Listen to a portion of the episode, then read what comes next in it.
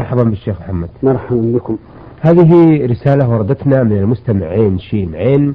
يقول في رسالته آه أنا الحمد لله أعفي لحيتي وأقص من شاربي غير أنني أقص من طول لحيتي بالمقص ولا أخذ منها شيئا بالموسى لا من أعلاها ولا من أسفلها مع أن الشعر الذي أقصه إذا تركته يضايقني ولا أستطيع تركه.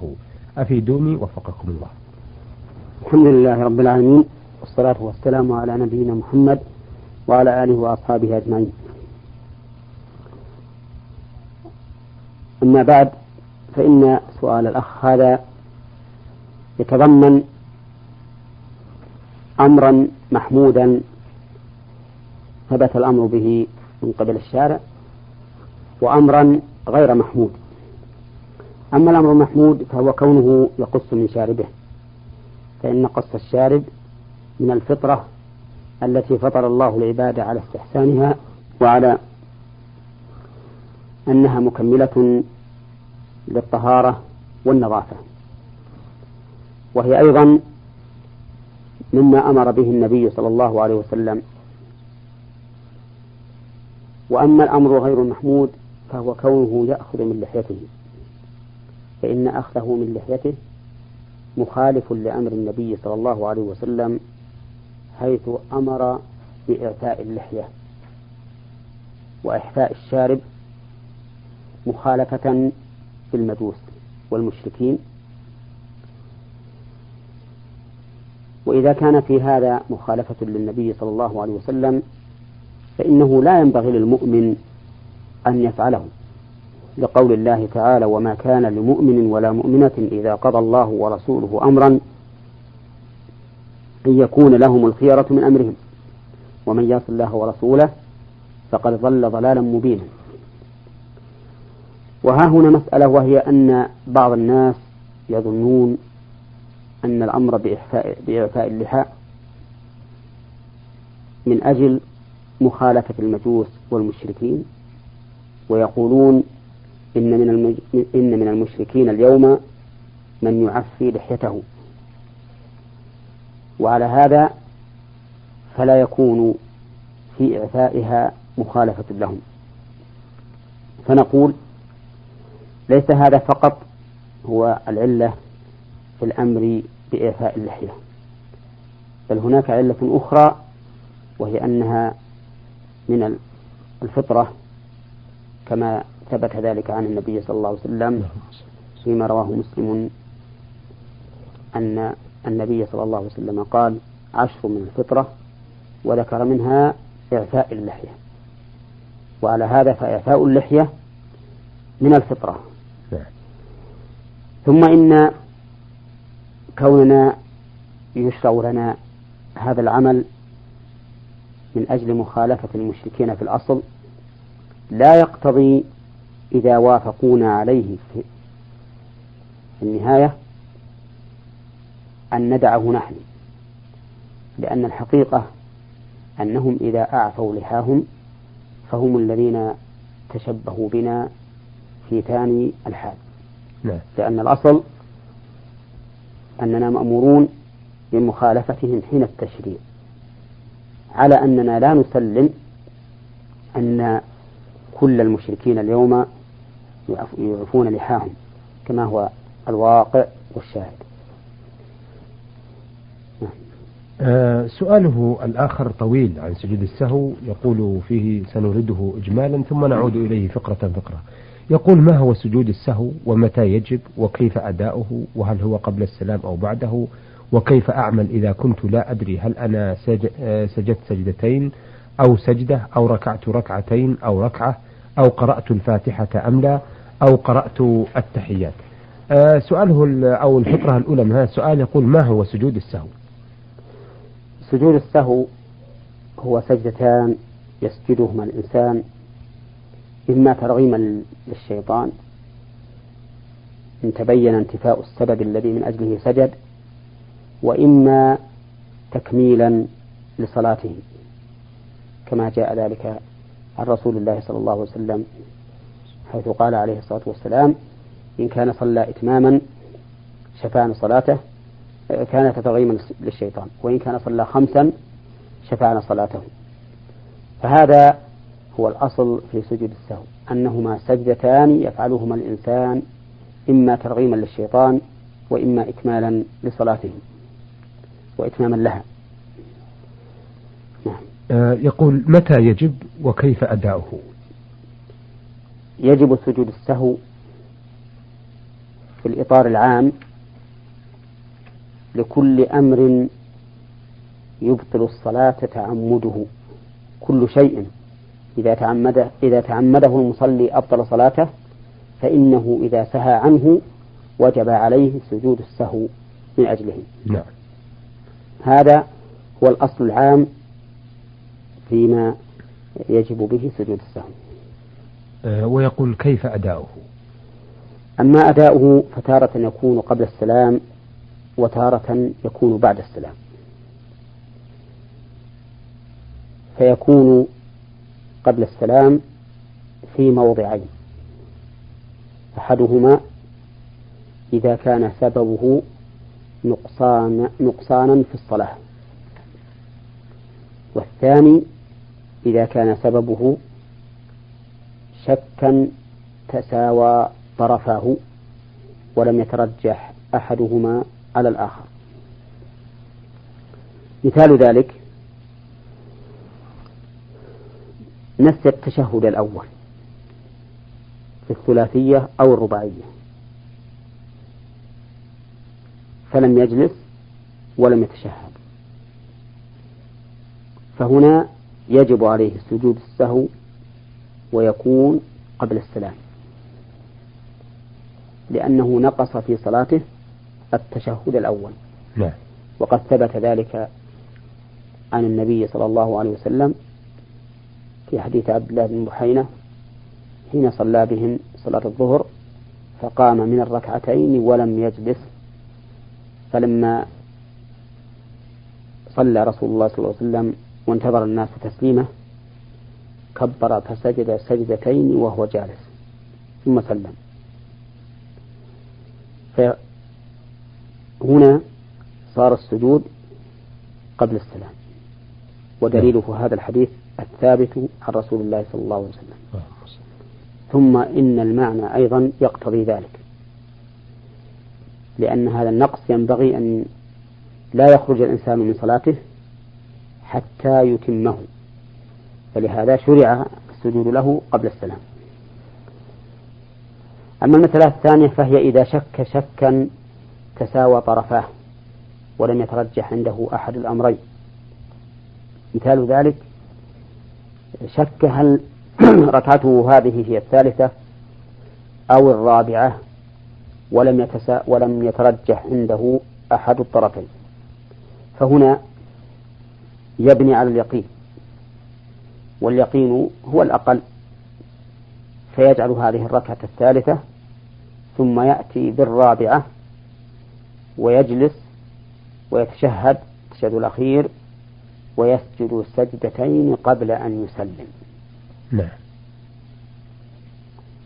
وإنما كان كذلك أي قبل أي كان سجود السهو قبل السلام لأن هذا الشك الذي طرأ على هذه الركعة حتى اشتبه على المرء أهي من صلاته أم زائدة لا شك أنه يخل بالصلاة. فلذلك شرع أن يكون السجود قبله من أجل أن يجبر الصلاة قبل أن يخرج منها. وأما السجود بعد السلام فيكون في موضعين أيضا. أحدهما إذا زاد في صلاته. والثاني إذا شك شكا ترجح عنده فيه أحد الطرفين. فالسجود هنا يكون بعد السلام. أما الأول وهو أن يكون سبب سجود السهو الزيادة فمثاله أن يصلي الإنسان خمس ركعات. نعم. في الظهر مثلا. فإذا جلس للتشهد ذكر أنه صلى خمسا. فهنا نقول له أكمل التشهد وسلم ثم اسجد سجدتين بعد السلام وسلم. وكذلك أيضا لو ركع في الصلاة الواحد في الركعة الواحدة ركوعين أو سجد ثلاث سجدات فهذه زيادة. فيكون السجود لها بعد السلام. أو قام إلى زائدة مثل أن يقوم إلى الخامسة في الرباعية ثم يذكر فيرجع. نعم. فإنه إذا سلم سجد سجدتي السهو. دليل ذلك حديث عبد الله بن مسعود رضي الله عنه أن النبي صلى الله عليه وسلم صلى بهم الظهر خمسا. فلما انصرف قيل له يا رسول الله زيد في الصلاة؟ قال وما ذاك؟ قالوا صليت خمسا. فثنى رجليه صلى الله عليه وسلم ثم سجد سجدتين بعدما سلم. ثم أقبل على الناس وأخبرهم بأنه بشر وينسى كما ينسون إلى آخره. نعم. فهنا سجد النبي صلى الله عليه وسلم بعد السلام لأنه زاد في صلاته ركعة. قد يقول قائل إن السجود هنا بعد السلام أمر لا بد منه. لأن النبي صلى الله عليه وسلم لم يعلم بالزيادة إلا بعد ما سلم. فلا يمكن أن نجعل هذا قاعدة ونقول إذا كان سجود السهو عن زيادة فإنه يكون بعد السلام. قد يقول قائل هكذا. نعم. فيبطل استدلالنا بهذا الحديث على أن سجود السهو للزيادة يكون بعد السلام. فنقول مجيبين عليه إن النبي صلى الله عليه وسلم سجد بعد السلام ولما لم يقل إنما سجدت بعد السلام لأني لم أعلم فاسجدوا قبله علم بأن هذا محله لأنه لو لم يكن محلا له لبينه رسول الله صلى الله عليه وسلم لأن الناس سوف يقتلون به نعم. ثم إن له شاهدا من سنة الرسول صلى الله عليه وسلم وهو حديث أبي هريرة رضي الله عنه حين صلى بهم الرسول صلى الله عليه وسلم إحدى صلاتي العشي إما الظهر وإما العصر فسلم من ركعتين. ثم نبهوه فأتم صلاته وسلم وسجد سجدتين بعد السلام.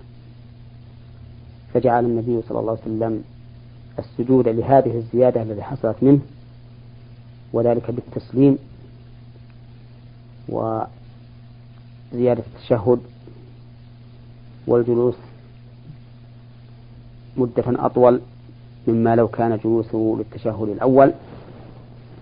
جعل النبي عليه الصلاة والسلام محل سجود السهو في هذه الصورة بعد السلام. نعم. وهذا يؤيد تماما ما فعله في حديث ابن مسعود رضي الله عنه وأن السجود يكون بعد السلام. ثم المعنى أيضا يقتضي ذلك فإن الزيادة